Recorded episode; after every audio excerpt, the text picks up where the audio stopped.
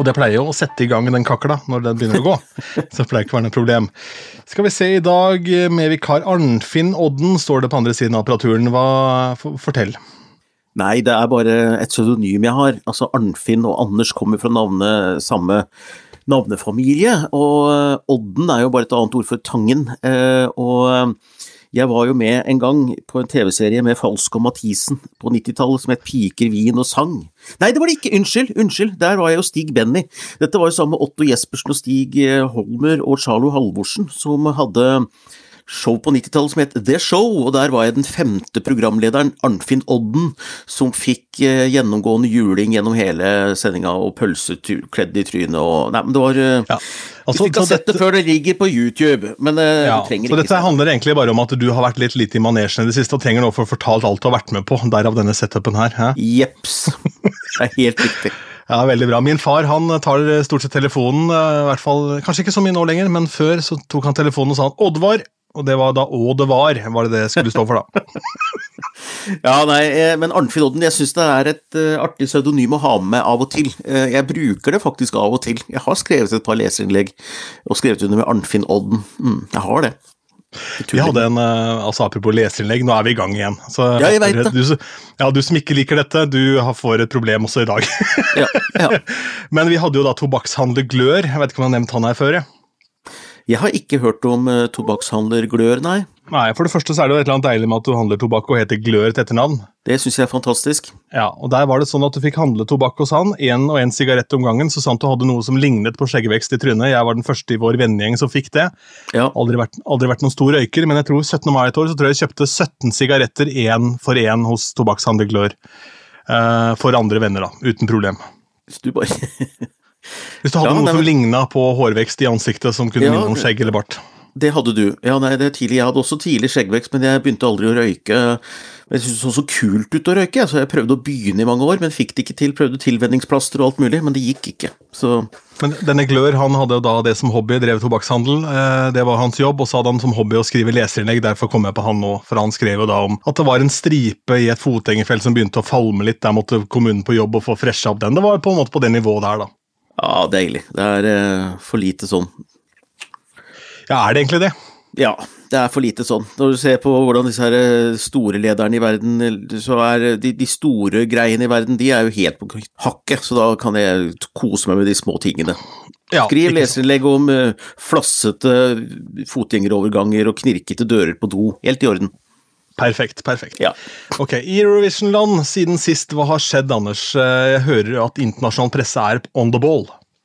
Ja, jeg sitter her egentlig og kom akkurat nå over en artikkel fra Evening Standard.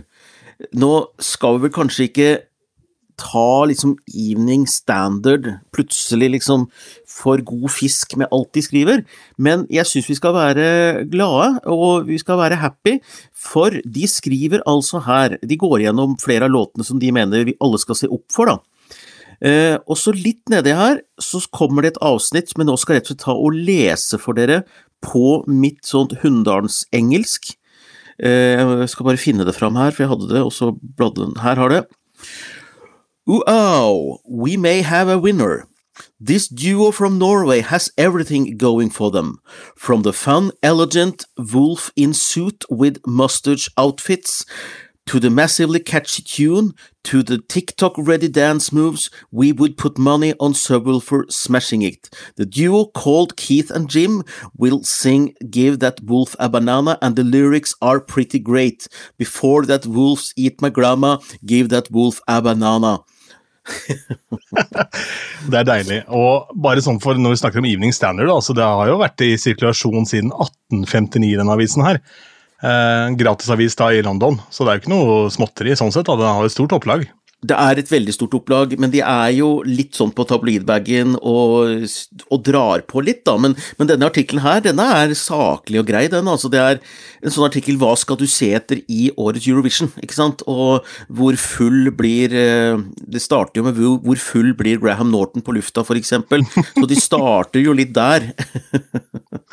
det er jo litt, litt artig. altså Jeg har merka nå underveis, når vi på en måte snakker om disse tingene, hvor mye Eurovision egentlig, sånn, om ikke har spilt en rolle i min karriere, men hvor, hvor tette bånd det egentlig er. For han Scott Mills, som har hatt mye med Eurovision å gjøre i England, det var jo et av mine virkelig store radioforbilder veldig, veldig ja. lenge. Hørte masse på han da Eh, for Han sendte ettermiddagen på BBC Radio 1 da en sånn skikkelig eh, brautende jævel ved navn Chris Moyles hadde morgenen.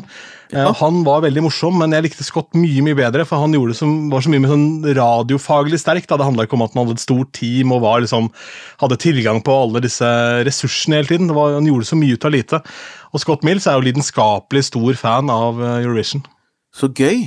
Nei, men det er jo mange grunner til å gjøre det. Altså, eh, jeg mener det ville vært rart uh, hvis du ikke var fascinert av et uh, kulturfenomen som har vart så lenge, og som er det lengstlevende. Så, så bør det jo liksom fascinere, tenke hvorfor overlever dette? det overlever tilsynelatende alt, både med forskning uh, og alt mulig. Men litt sånn på sida her, og ting jeg er euforisk over, da.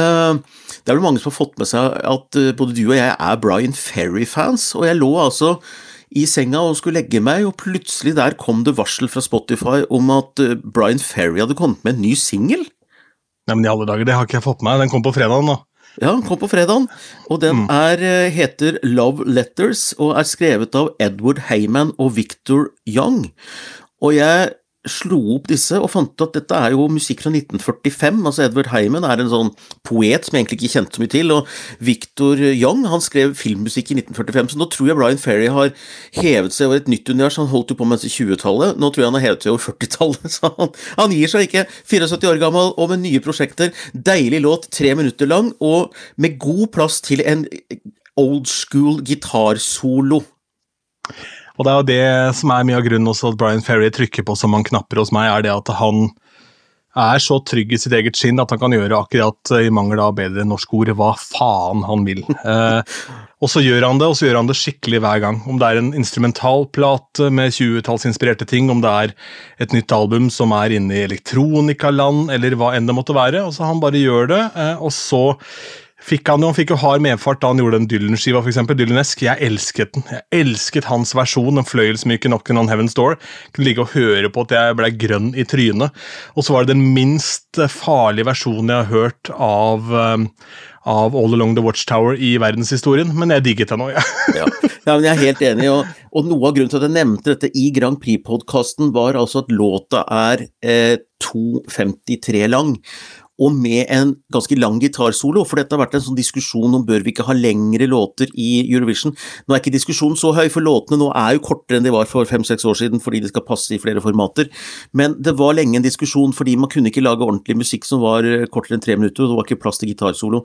Men altså, det er faktisk fullt mulig å, å uh, lage kule låter, du må bare være litt intelligent, og så må du ha uh, ikke være så raus med orda, men det er faktisk fullt mulig. Altså, så sjekk ut den låta der, og så tenker du kunne dette her vært i Eurovision? Det er faktisk ganske gøy å tenke seg den tanken, for det, det kunne det, og han kunne ha vunnet. Ja, og Brian Ferry er jo gal nok til også bare gjøre det, fordi han Altså da han, da han, kanskje tenker at uh, turnévirksomheten går litt på hell, da, for det er jo det Han er åpen, åpenbart veldig opptatt av å møte publikummet sitt. Det er jo noe som gleder han stort.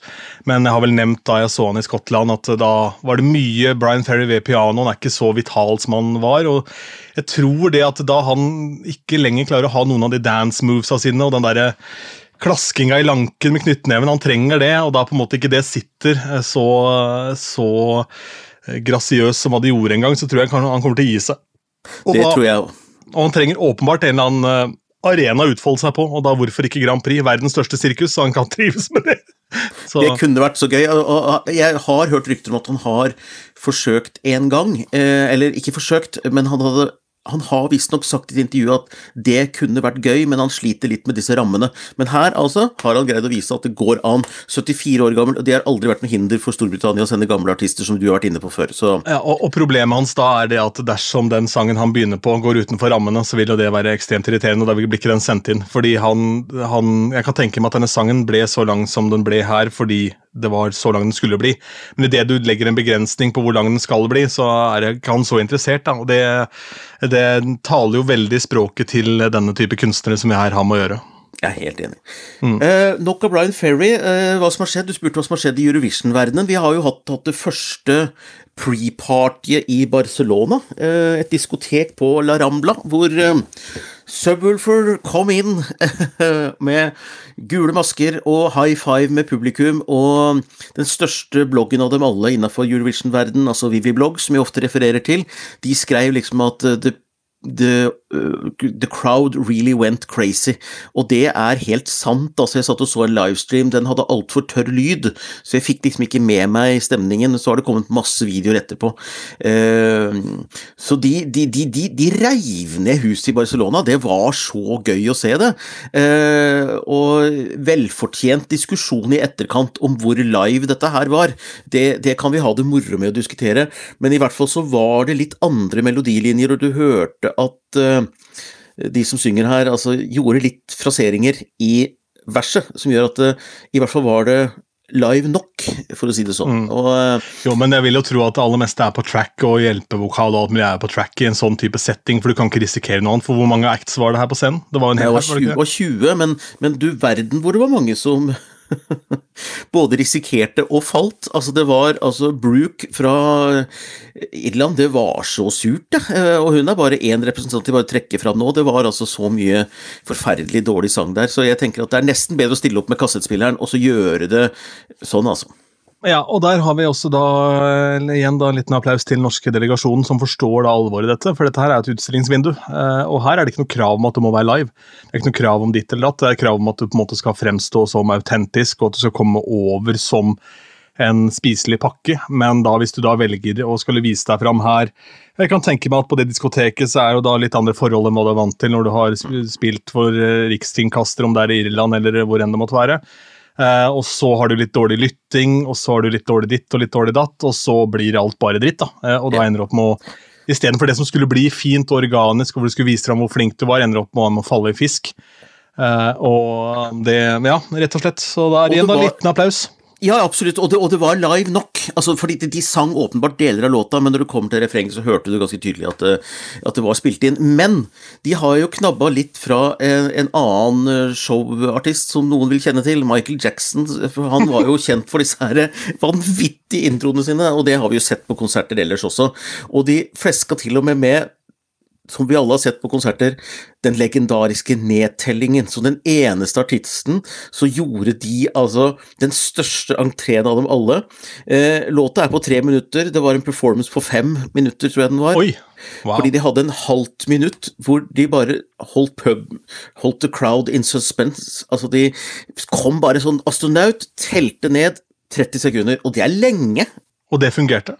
Det fungerte helt fantastisk. Du så en sånn astronaut komme flyvende inn, og så hører du en slags eh, Skal vi si Du hører deler av melodien litt sånn i bakgrunnen, med litt sånn space-lyd Og du bare gjenkjenner melodien, og så hører du sånn litt sånn cheesy, men tøff stemme. Ten, nine, eight Og så kommer da uh, Subwoolfer inn på scenen, selvfølgelig på, og så kommer dette ulvehylet. Og så kommer DJ-en ut litt ut i nummeret der, og han han roper da på allsang, ikke sant? Syng! Med sånn astronautstemme, så, så, han gir ordre, og de klapper. Og det var den eneste acten som hadde gjort jobb i å lage en sånn live-versjon som får med seg publikum, og jeg var så stolt. En ting er at det funker, men en annen ting er at de viser vilje. Ja, og så er det et eller annet med det at det har vært en teori lenge om at ballene er større på månen, og det er helt åpenbart, det. Det er helt riktig. Ballene er større på månen. Fordi da de kom og bare tok det rommet der, og liksom bare Vi er den største stjerna her. det er så unorsk. Og det er unorsk, og det er, det er deilig, altså. Mm. Og så Uten at vi skal nevne navnet her, da, så den, uh, spekuleres jo mye hvem som er Subwoolfer. Uh, og dersom uh, da noen av disse spekulasjonene stemmer, så er det veldig ute av karakter for en av de også, vil jeg si. ja, det er jeg enig med deg i. Og, og veldig gøy. Og veldig gøy hvis man da tenker seg at det er de som er der, så, så, er det ekstra gøy. Det er ekstra gøy. Um, og så ryktes det, eller det sies at de er på vei i studio for å gjøre morsomme ting uh, Subwoofer for tida, så det kan vi jo glede oss til. Kommer veldig gøy. Nytt. Veldig gøy. Mm. Jeg har jo hatt stor glede av eh, Jeg klarte jo da å drite meg skikkelig ut her, fordi uh, det er jo et sånt triks som at hvis du legger ut hvor mye du har å gjøre, uh, så får du mer å gjøre, for ingen vil jo booke en DJ som ikke har jobber. Nei. Og så så jeg masse kollegaer som la ut sånne lister over hvor mye de hadde å gjøre. Så tenkte jeg men jeg har da mye mer spillejobber enn deg, så da må jeg lage meg en liste selv også. Ja. Og så hadde jeg bursdag i uken som var her, eh, og fylte det runde tallet 36 år. Gratulerer! Takk for det. takk for Det Det ble markert eh, på voldsom vis. Neppe. Jeg hadde et veldig spennende eh, møte på dagen der, som vi kanskje kommer tilbake til neste uke. For å få klarhet i denne uken hvor, hvor bra dette spennende møtet gikk. Men eh, da hadde jeg klart å legge ut da, på min bursdag at jeg skulle legge ut en special birthday mix på Mixcloud, som er der hvor DJ kan dele miksene sine. Og idet du har lagt til ordet special, så har du driti deg loddrett ut. For hvis du bare legger til birthday mix, så kan du gjøre hva du vil, men da må det være noe ekstra. Så min tanke var jo da å ta én sang for hvert av årene jeg har vært på denne kloden. En fra 86, ja. som da ble miksa inn i en fra 87, osv. Ja. Jævlig mye jobb. Eh, masse jobb, ikke sant. Og så skal jeg på en måte stå inne for det også. Så jeg endte opp med å trekke meg på den, og gikk jo da bare for året 1986. Så er jeg jo egentlig ganske fornøyd med den avgjørelsen, for det var altså så gøy å kunne dundre rett fra eh, vår venninne Madonna og rett inn i Ketil Stokkan uten problem. Altså det, ja. at, det, at det var som å skjære en varm kniv gjennom smør, det hadde jeg aldri i mitt liv sett for meg. Så det sklei over i hverandre, altså? Ja, det var skikkelig herlig. Og eh, fordelen med 1986 er at her er vi litt i trommemaskin og in-air-land eh, og click-track, så det er hvert fall, trenger ikke å bruke så mye jobb. Eh, i forhold til at trommisen eh, den spiller jo live, men den har click-track, så da blir det jo, den er på on beat hele tiden. da. Og så var det enda mer tilfredsstillende mot slutta, hvor jeg da på en måte dro dette litt opp i tempo. Skal bare finne lista her, så ikke jeg sitter her og ljuger. Hvor jeg har en greie som går da fra uh, Eddie Money med 'Take Me Home Tonight'. Og så går det over i Professoren med den makeløse manikken, denne oh, ja, svenske ja, låta. Eh, og Så går den inn i Deppers Mod med 'Question of Time'. Av en eller annen grunn så var det ikke noe problem. Og så går den altså så sømløs som jeg knapt har gjort det noen gang, over i Sandra Kim. Uh, og så sklir vi rett ut av Sandra Kim og inn i surfbrett med Vazelina, og da følte jeg på en måte at da var vi i mål.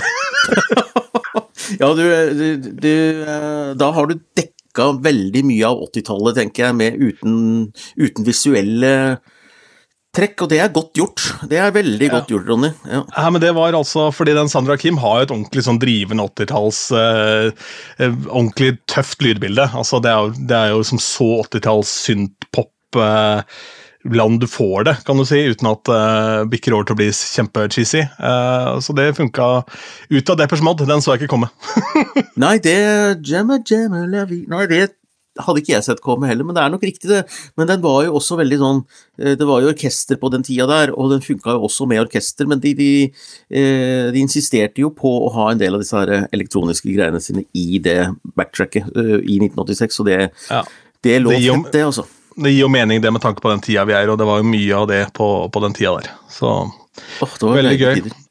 Det var deilige tider. Også i andre Grand Prix-tider så har jeg jo vært jeg var i Skien en tur, eh, for det var en kollega som ble dårlig. Så, da, så hadde jeg fredagen fri, og så sa jeg bare ja, nei, jeg vet hva, jeg kan ta den. For den, ja, han kollegaen min er en bra mann, så vanligvis så hiver jeg meg ikke rundt og kjører til Skien på en fredag for å gjøre en spillejobb på noen få timer. Men eh, Og der ble det en god kok og allsang der. Og da på søndagen, for da var jeg i Skien, og så var jeg i Drammen lørdag. Og så sov jeg hele søndagen før jeg da våkna og skulle gjøre et podkastintervju med en fyr som heter Heine Strømme.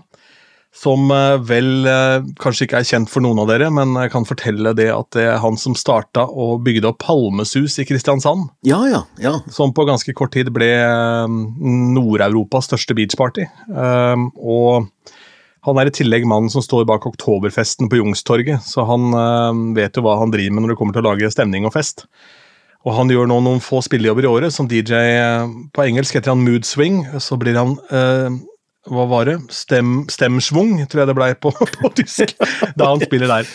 Og han ja. kunne si at det som er essensielt i en virkelig god DJ som gjør da Oktoberfest, det er en blanding av tyske slagerhits, norske allsanglåter, eh, internasjonale og nasjonale Eurovision Grand Prix-hits. Ja. Det, det, var hele, det var basen i det han holdt på med.